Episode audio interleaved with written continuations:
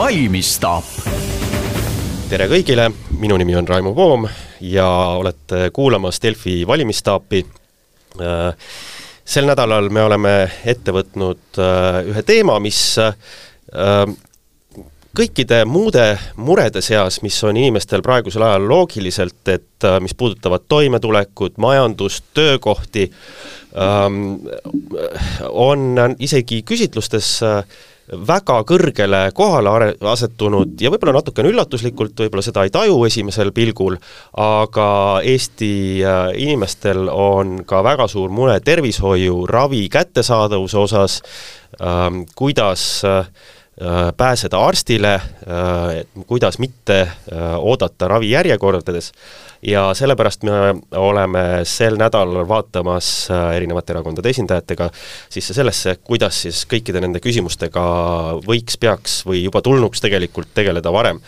Mul on täna väga hea stuudio, meel stuudios tervitada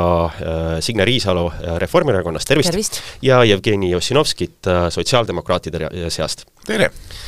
Äh,. Nii äh,, väga lihtne küsimus, ma, mina küsin lihtsaid küsimusi, te saate siis äh, vastata neile, ma loodan ka lihtsalt äh,. arstile pääsemine äh,, et äh, mis teha äh,, raske on äh,, on erinevad äh, probleemid maal ja linnas äh,, kuidas noh, kui alustame kas või sellest, et, äh, et kuidas inimesed pääseksid arsti juurde töövälisel ajal, nädalavahetusel, Ehm, sellest on nii palju räägitud, see on peaaegu nagu pika habemega jutt, et et äh, meie kiirabid, kes peaksid tegelema väga tõsiste niisuguste erakorraliste asjadega, on ülekoormatud, sellepärast et inimestel pole kuskile nädalavahetusel minna, kui neilt tabab äh, natukenegi raskem olek ja jalutatakse või sõidetakse kiirabisse ja et andke palun abi ja mis ma nüüd tegema peaks, noh, palju on räägitud sellest, et, et peaksid olema mingid valved äh, perearstide juures, no saavad need tehtud ükskord, millal see tuleb? no vot sellega on see lugu, et kui te oleksite küsinud, et kuidas lahendada probleemid äh, tervishoius ja neid probleeme on ju palju ja omavahel seotud, äh, seesama ravijärjekordade küsimus, äh, siis kuldvõtit ei ole veel olemas, et äh, avaks sellega ukse ja probleemid oleksid lahendatud. aga ma arvan, et äh, kõik erakonnad ühtemoodi äh, soovivad, et meie inimestel oleks terviseabi kättesaadav just selles kvaliteedis ja just sellel hetkel, kui ta vajalik on Eestis on see probleem, et nii eriarstile pääsemine kui ka tegelikult erakorralise meditsiini osakondade puhul on meil tekkinud järjekorrad ja seda eeskätt mõjutab esmatasandi tervishoid algab see tegelikult äh, mitte ainult perearstidest, vaid tegelikult juba varasemalt, äh, kas me räägime koolist, kas me räägime töötervishoiust, inimeste tervisemurede varasest märkamisest, aga ka ennetusest, tervislikest eluviisidest ja inimese enda vastutusest oma tervise eest, et oleks liikumist, oleks magamist, korralik toitumine ja et reageeritakse esmastele muredele, mitte nii, nagu uuringud näitavad, et aga äkki läheb üle, äh, ma veel ei lähe. no tegelikult tervisehädadega on nii, et tuleks ikkagi minna. ja tõest-, tõsi on see, et läbi mitmete valimiste, on need siis kohalikud või Riigikogu valimised, on äh, räägitud äh, valvearstikeskustest, äh, kui me räägime valvearstikeskustest, siis tekib kohe järgmine küsimus, kust tulevad need arstid. sest meie tervishoiu üks suurimaid probleeme on tegelikult arstide nappus, ükskõik, kas nad on perearstid või, või eriarstid. ja loomulikult väga hea lahendus on olnud juba pikka aega ja Jevgeni ka täpselt teab, perearstikeskused, mida on siis ka maapiirkondadesse rajatud, kokku on neid viiskümmend kuus keskust, millest nelikümmend kaheksa on saanud ka kasutusloa ja töötavad, see annab võimaluse koondada lisaks perearstidele ka juba eriarstiabi, teha rohkem uuringuid, nii et inimesed siis pääsevad tõesti haiglatesse eriarsti juurde siis, kui see vajadus on tekkinud. nii, aga tehakse eriarstikeskuseid äh,, kas nad, miks nad siis äh, ei, ei ole lahti või ei leia seda võimalust või ressurssi, et et äh, haigus võib ka nädalavahetusel tulla, äh, et sinna pääseks? jah, küsiti, et, et mis on lihtsad, et küsimused on lihtsad, aga vastused paraku on keerulised, sest tervishoiusüsteem on üks keerulisemaid süsteeme ühiskonnas üldse Äh, nüüd äh, kõige äh, laiem probleem on loomulikult Eesti tervishoius see, et, et me ühiskondlikest vahenditest kulutame tervishoiule liiga vähe. Me peame tegelikult solidaarse tervishoiusüsteemi kvaliteedi ja ka kättesaadavuse hoidmiseks sinna lisaraha panema, et viimati seda sai tehtud äh, aastal kaks tuhat seitseteist, siis kui äh, mitte selle, ei taha eraldi iseennast esile tuua, aga see oli viimane kord, kui see otsus tehti, et kui pensionäride eest hakati juurde maksma. Äh, kahekümne teisel aastal see reform jõudis siis lõpule,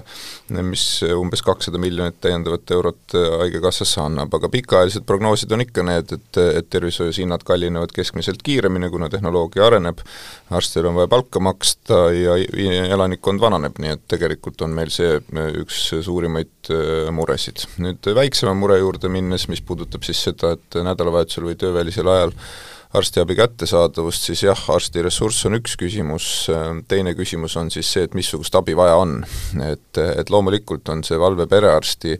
teenus iseenesest inimestele tundub, et on väga mõistlik, aga perearstisüsteem on üles ehitatud viisil, et igale patsiendile on oma arst, kes teab tema haiguslugu. ja me loomulikult ei saa tagada seda, et meie kõikide perearstid töötavad nii hommikul, lõunal, õhtul kui ka nädalavahetusel. ja siis on küsimus selles, et kui on mingisugused siis sellised kergemad, aga inimestele muret tekitavad siis haigused, et kuhu nad saaksid siis pöörduda töövälisel ajal.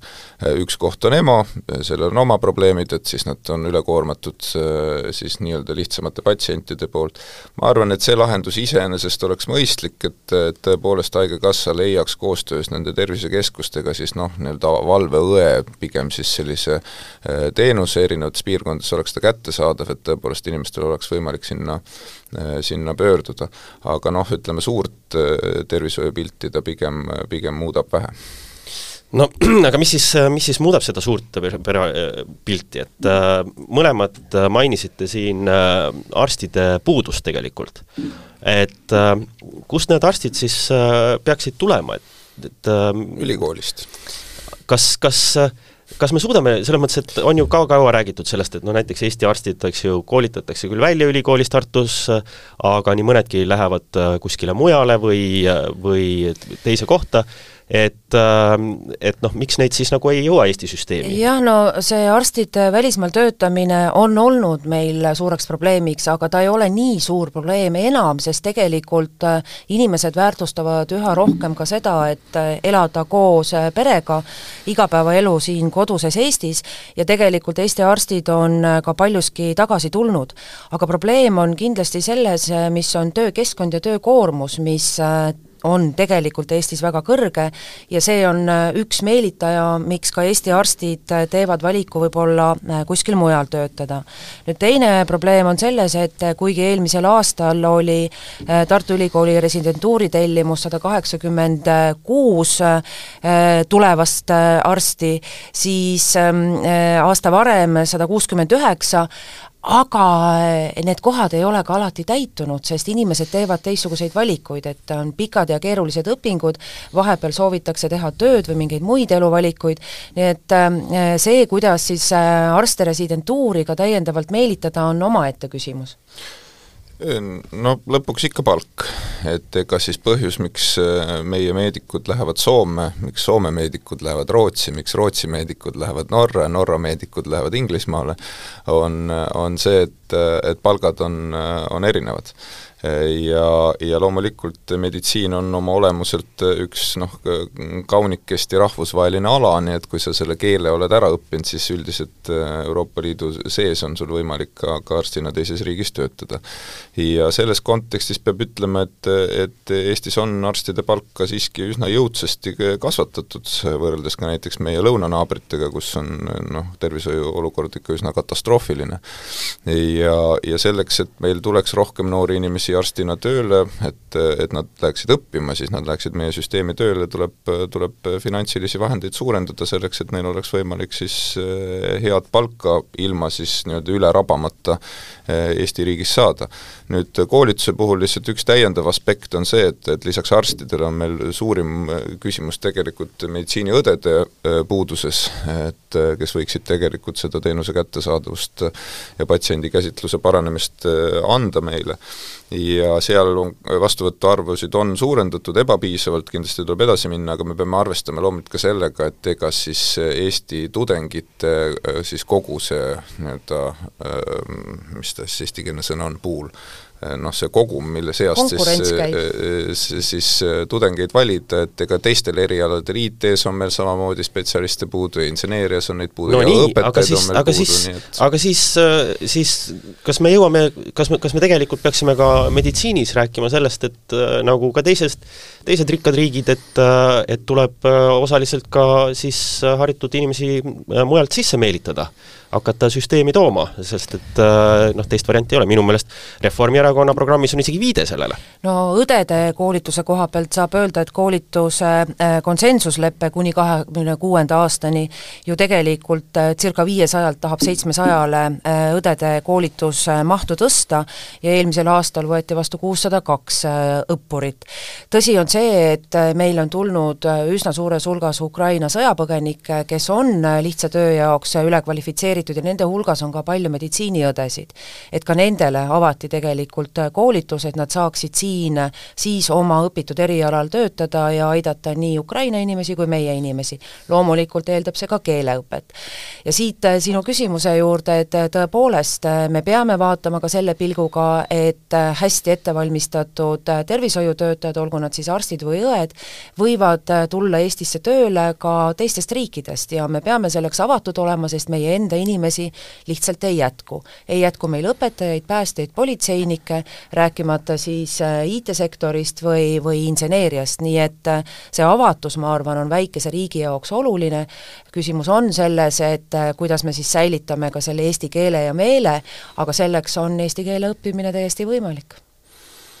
Jevgeni. no mina selles küll mingit äh, nii-öelda põhilahendust ei näeks, et äh, et üldiselt siiski Eesti meditsiin, meditsiiniteadus on äh, maailmatasemel ja, ja loomulikult noh, üks küsimus on see, et missuguses keeles selle arstiabi osutatakse, aga olulisem on siiski kvaliteet. ja eks äh, loomulikult on väljamaa spetsialiste väga häid Eesti tervishoiusüsteemis reaalselt töötamas täna, aga loomulikult on ka neid, kelle kvalifikatsioon noh, paberi peal on, aga tegelikkuses tänapäevases Eesti patsiendi käsitluses äh, nad ei toimi. nii et, nii et jah, kui inimesed tulevad, teevad oma eksamid ära, tegelikult saavad vastava kvalifikatsiooni, siis nad võivad seal õppida või meie tervishoiusüsteemis loomulikult töötada, aga, aga põhiline eesmärk võiks ikka olla see, et me suudame oma meditsiinisüsteemi rahastada sellisel viisil, et meie enda koolitatud spetsialistid siin rohkem tööd sooviksid teha ma kardan, et ma avan Pandora laeka, kui ma nimetan Tallinna Haiglat, aga üks argument Tallinna Haigla rajamiseks oli kindlasti ka see, et just välismaalt tulevad tippspetsialistid meie siis uhiuude ja väga hästi varustatud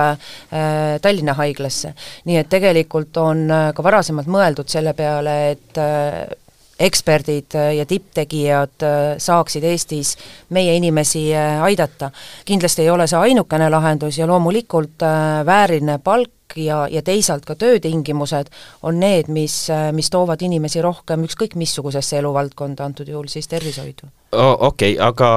mis see, selles mõttes, et noh, mõlemad räägite sellest, et, et Jevgeni ütleb, et raha on juurde vaja, noh, kui me räägime palgast, siis see tähendab ka, et, et raha juurde vaja on kas te oskate hinnata, mis see, mis see raha juurdevajadus siis on, mis aitaks, aitaks neid põhilisi kitsaskohti siis nagu lahendada? no kui vaadata erinevaid analüüse, siis me jõuame siin miljardite euroteni, mis kõike oleks ideaalis juurde vaja ja selge on see, et see ei ole meile ka jõukohane. kolmteist protsenti, mis praegu sotsiaalmaksust tervishoidu läheb, me teame, et kulusid ei kata ja me teame ka seda, et et hästi väike on praegu vabatahtliku lepinguga ja ka tööandjatega siis koos kindlustatud isikute hulk, et see on kõikidest ravikindlut-, kindlustatutest vaid null koma null neli protsenti aga, aga see on siis tasapisi ka kasvanud, nii et, et see on kindlasti nagu üks võimalus ja lahendus. aga teise poole pealt lisaks nendele analüüsidele, kui palju meil on raha juurde vaja, on meil tarvis ka vaadata tervishoiusüsteemi sisse, kas me saame olla äh, optimaalsemad rahakulutustes ja kas äh, sellised äh, tervishoiu rahastamise mudelid, mis meil seni on olnud just tervishoiuteenuse osutajate suunal, on pikas perspektiivis ka jätkusuutlikud. sest kui me rahastame nii-öelda teenuse tükihinda, siis teenuse osutaja paratamatult teeb võimalikult palju palju tükke selleks, et, et saada siis ka Haigekassa poolset rahastust. aga me peaksime senisest rohkem hakkama vaatama tulemust, mis on patsiendi jaoks ja see võib äh, aidata meil ka neid ressursse säästlikumalt kasutada. Jevgeni, mitu miljardit? no esiteks, äh, Eesti tervishoiusüsteem on üks kuluefektiivsemaid maailmas. Äh, võtet-, võttes seda, et kui, kuidas me suudame tegelikult tagada maailmatasemel tervishoiuteenust, Äh, nii vähese ressursiga. nii et kahtlemata need, et on vaja efektiivsust igas süsteemis otsida, midagi leiab, kahtlemata on ka praeguses äh, rahastamis, rahastusmudelis võimalik äh, minna nii-öelda paremaks, täpsemaks, kuidas rohkem integreerida sotsiaal- ja tervishoiuteenuseid näiteks ja nii edasi, aga, aga fundamentaalne fakt on see, et, et kui me tegelikult tahame ka tänast taset hoida vananeva rahvastikuga tingimustes, siis me peame tervishoidu lisaraha siis tooma. Noh, hinnanguliselt see on umbes üks protsent SKP-st on puudu siin lähima kümnendi jooksul, Äh, siis selleks, et lihtsalt hoida olemasolevat taset, aga edasi on küsimus selles, et ja siin on tõesti ilmavaatelised erinevused, et missugust tervishoiuteenuse paketti me soovime selle raha eest saada. no näiteks on Eestis peaaegu sada tuhat ravikindlustamata isikut. Äh, mina arvan, et kahekümne esimese sajandi Euroopa liikmesriigis Eestis ei tohiks sellist asja olla, et äh, ligipääs tervishoiule on, on sisuliselt meie demokraatlikus riigis võiks olla sama fundamentaalne kui ligipääs haridusele, me tegelikult võiksime ravikindlustuse kõigile anda. see tähendab ka teatud äh, lisavahendeid. Äh, küsimus näiteks katmata siis ravivajadusest, näiteks hambaravihüvitis, mis on nüüd ka viimased viis aastat on jäänud äh, samale tasemele, mida tegelikult oleks vaja suurendada. ravimite hindade siis riigipoolne täiendav toetamine. et, et sealt tulevad need, need nii-öelda järgmised valikud peale. nüüd tõepoolest noh, Reformierakond ja mitte ainult, on, on aastate jooksul noh, noh, suhtunud solidaarsesse tervishoidu natuke selliselt, et et noh, tore on, et, et ta meil kunagi loodi, aga nüüd järk-järgult võiks ta ära lõhkuda. et eh, meie kindlasti seda ei toeta, tulenevalt just nimelt sellest, et, et solidaarne tervishoiusüsteem on üks olulisemaid väärtusi, eh, see, et, et inimese ligipääs arsti juurde sõltub tema abivajadusest, mitte tema rahakoti paksusest, ja sellest tulenevalt, et noh, ma küll näen, et, et selliste mugavusteenuste puhul on tõepoolest eratervishoiul on oma roll või erakindlustusel on oma roll, aga kahtlemata tuleb seda süsteemi juhtida viisil, et ta ei hakkaks riiklikku tervishoidu tühjaks sööma, mida me tegelikult juba riskina näeme. nii äh.... ja mul mõned kommentaarid on, et see kindlasti ei ole Reformierakonnal plaan solidaarset ravikindlustust lõhkuda, küll aga on Reformierakond öelnud seda, et solidaarne ravikindlustus on kindlustatud teele ja kui me mõtleme, kui palju meil kahe tuhande kolmeteistkümnendal kümnendal aastal oli ravikindlustamata isikuid, siis see osakaal oli null ko-, vabandust, kuus koma nelikümmend kolm protsenti ja tänaseks on ta neli koma kolm protsenti, mis on kindlasti vähem kui sada tuhat inimest. hambaravi puhul on probleemid palju laiemad kui ainult see summa suurus, ma olen nõus, et see summa võiks olla ka suurem, sest tõepoolest nelikümmend viis ja kaheksakümmend ei ole väga suured, suured määrad, jah, vabandust, nelikümmend ja kaheksakümmend viis, siis me teame ka uuringutest seda, et ka need inimesed, kellel on õigus kasutada riigi ressurssi, ei tee seda. ja see on juba palju keerulisem. muidugi seal ongi see hirm, et selle täiendava ressursi jaoks puudub endal rahakotis raha ma siin äh, lihtsalt vaikselt, vaikselt jõuame selleni ja, ja ma näen, et see äh,, see on äh, väga oluline küsimus, et et ühelt poolt sotsiaaldemokraadid siin räägivad väga sellest solida-, siis solidaarsest tervisekindlustusest, mis peaks olema kõigele Reformierakond viitab ka sellele, et siin peaks olema või, või võiks olla mingisugune erapanus sest see on suur debatt tegelikult, et et äh, kuidaspidi see peaks olema, sellepärast et kui me võtame näiteks kas või äh, ravijärjekorrad, mis inimestele väga palju tuska teevad, siis äh, noh, need tulevadki sellest, et on mingisugune Haigekassa X-tellimus mingisugusele ravile, nii palju kui mina aru saan vähemalt, ja siis noh, inimestel võivad hädad olla erinevas suuruses ja need, need mahu ja siis tekivad ummikud. Aga siis on meil seal kõrvale arenenud ja areneb väga kiiresti, me vaatame igasugused erinevad eratervishoiukliinikud, äh, kus piltlikult öeldes äh, sama doktor võib öelda, et jah, et aitäh tulemast, äh, te saite, me saame teid ravida küll, aga näiteks nelja kuu pärast või, või, või niimoodi, aga et kui te tulete sealt teisest uksest, kus ma olen homme, siis ja, ja maksate raha selle eest, siis on võimalik saada palju kiiremini. et äh, kuidas selle, selle nagu eratervishoiuga on, on, et eh, noh, ühelt poolt paistab, et eh, lihtne lahendus, näed, maksad, saad, saad kiiresti, aga teiselt poolt tekitab ka küsimuse, et kas siis tervishoid on avatud nagu neile, kes jaksavad maksta no kõigepealt ma ikkagi tuletan meelde et, et null koma null neli protsenti on neid, kellel on eraravikindlustus, olgu see siis inimese enda või tööandja poolt, et see on tegelikult hästi marginaalne osakaal meie ühiskonnast. ja Reformierakond peab hästi oluliseks seda, et me neid ravikulusid ühiskonnale hoiaksime võimalikult madalad ja seetõttu ka ravikindlustamata inimestele, et me soovime, et esmatasandi tervishoid ja ka skriiningud oleksid kättesaadavad, nii et, et me saaksime vähemasti ennetada keerulisemaid äh, juhtumeid ja mitte neid äh, äh, kulusid kasvatada. aga teisalt Reformierakonna vaatest samamoodi, ega me ei ole ju programmi pannud ka seda, et me täiendavalt läheme soodustama tööandjapoolset osalust, mis on täna kvartalis siis sada eurot maksu, maksusoodustust, et me saame väga hästi aru sellest, et et äh, kõik see, mida riik ei saa maksuna, seda ei ole võimalik ka ümber jagada, äh, mida siis äh, sotsiaaldemokraadid sooviksid ümber jagada, nii et me peame vaatama, kus on meil häda kõige suurem ja need inimesed, kes töötavad ja on suutelised ravikindlustust endale lubama või ka need tööandjad, kes on seda oma töötajatele võimaldanud, siis ähm, nende inimeste puhul ravivõimaluste kättesaamine ongi suurem, sest nad on tõenäoliselt suurema sissetulekuga, sissetulekuga ja on soodustatud. ja, ja nii, nagu me siin alustasime, et üks suurimaid probleeme on arstide-õdede nappus ja, ja vääriline palk ja töötingimused aitaks neid vast ka juurde saada, eh, siis eh, eraravikindlustus kindlasti on midagi, mis hakkab konkureerima ja me peame olema üsna ettevaatlikud.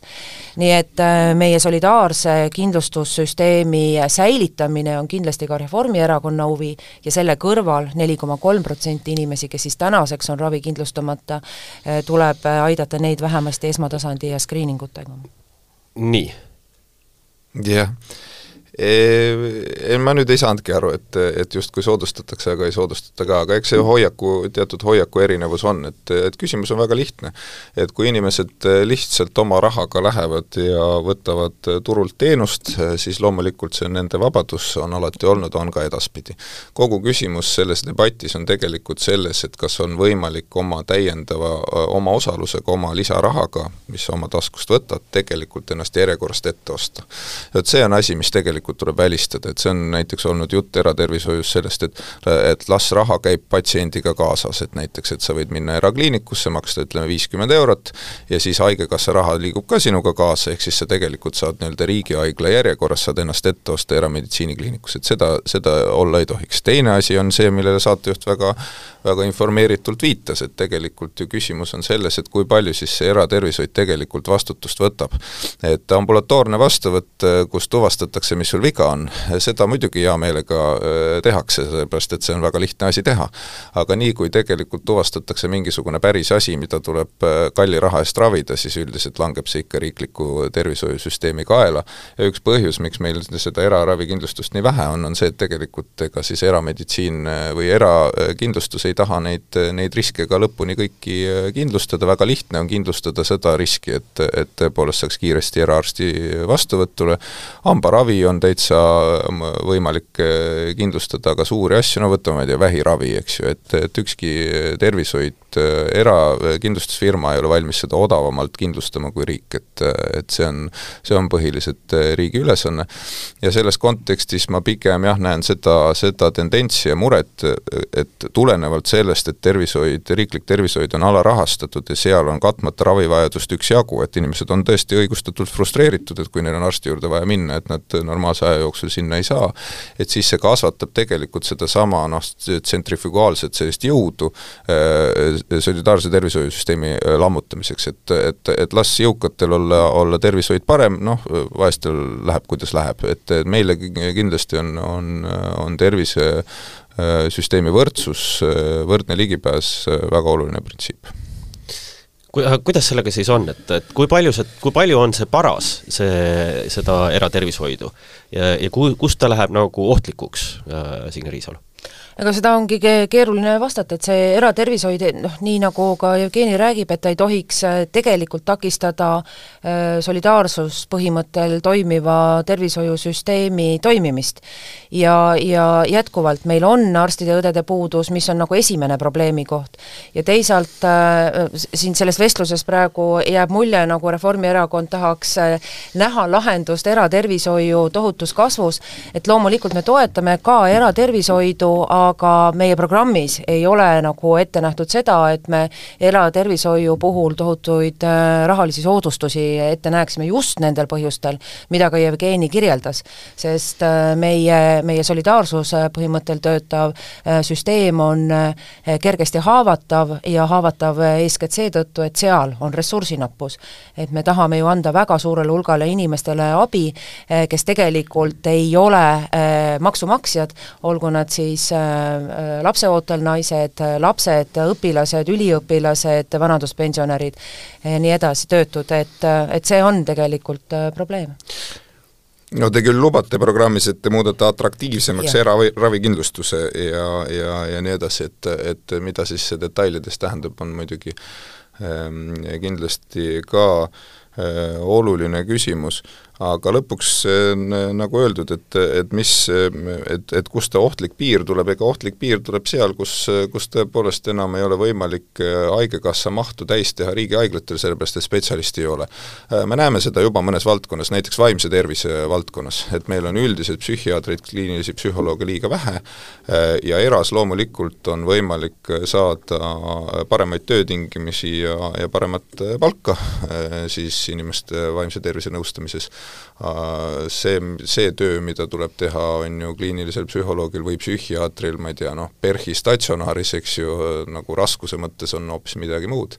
Ja, ja, ja noh, neid, neid valdkondasid, kus nii-öelda riski selline noh, tulukene hakkab põlema, neid, neid juba on, sest valdkond areneb väga kiiresti. no vaimse tervise valdkond on natukene spetsiifiline, sest äh, siin on riik äh, ka senimaani liiga vähe reguleerinud, et tegelikult siin see probleem ei ole puhtalt ainult nüüd, nüüd see, et kas on era- või, või on riiklik süsteem, sest me ei ole vaimse tervise spetsialiste äh, Äh, siiamaani ka Haigekassa rahale erasektorist juurde lasknud, me proovisime seda teha nüüd Covidi aastal lisaeelarve vahenditest ja tulemus oli see, et erasektor ei tulnud tegelikult Haigekassa riigi raha äh, kasutama, loomulikult küsimus rahas, nii nagu alati, sest äh, teenuse hinnad on teistsugused, aga neid regulatsioone on praegu muudetud ja neid tuleb edasi muuta, selleks et oleks spetsialistide kättesaadavus nii Haigekassa kui eraraha eest võimalik võimalik. ja neid spetsialiste on juurde vaja ja tegelikult ei ole äh, vaimse tervise kontekstis äh, psühhiaater number üks, meil ongi see häda, et me koormame psühhiaatrid üle väiksemate muredega inimestega ja need, kes on päris hädas, äh, abini ei jõua, seetõttu on kõik psühholoog-nõustajad ja ka mittekliinilised psühholoogid need, keda me peame turule avasüli vastu võtma. Nii, aeg jookseb armutult peale, aga ma tahtsin lõpetuseks küsida teilt hästi lühidalt, et kui Äh, teil tuleb, äh, te mõlemad käite praegu tänaval, inimesed in,, rääkimas inimestega, see on see poliitikute valimiseelne niisugune põhitegevus, et kui teil tuleb äh, inimene juurde ja küsib hästi lihtsa küsimuse, et et mis on, mis, mis oleks see esimene nii-öelda samm, mis te teete, et, et arstiabi läheks paremaks, üks esimene samm, öelge, mis on teie jaoks see üks esimene samm, mis te tahaksite teha kohe peale valimisi? Ma ütlen kolm ravijärjekordade kontekstis on, on jõukohane kaotada esimeses järjekorras laste ravijärjekord. et see on mahus läbi arvutatud juba kunagi aastal kaks tuhat kaheksateist, seda on võimalik teha ja, ja selleks on süsteemi sees raha olemas. edasist nende jaoks on tegelikult vaja täiendavat finantseerimist, mis eeldab rahastusreformi. teine on see, et, et tuleb üle vaadata siis need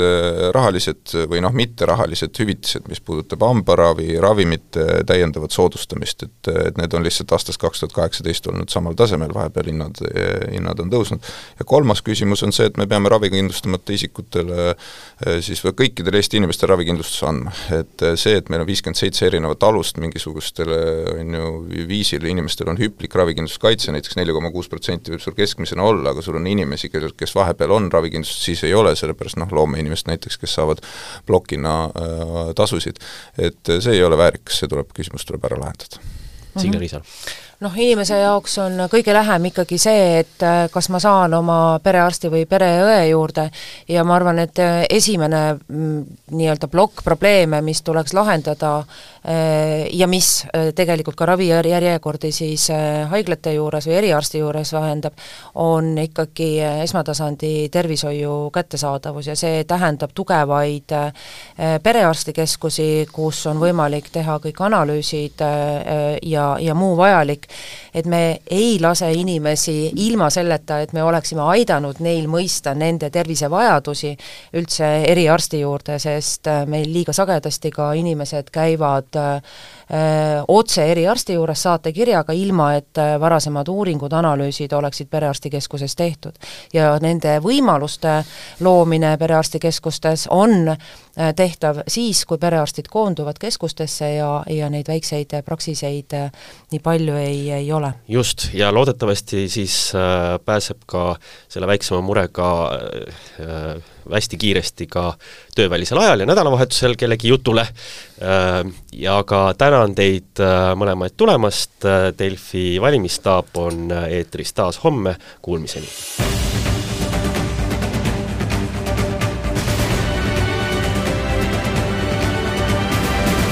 valmisstaap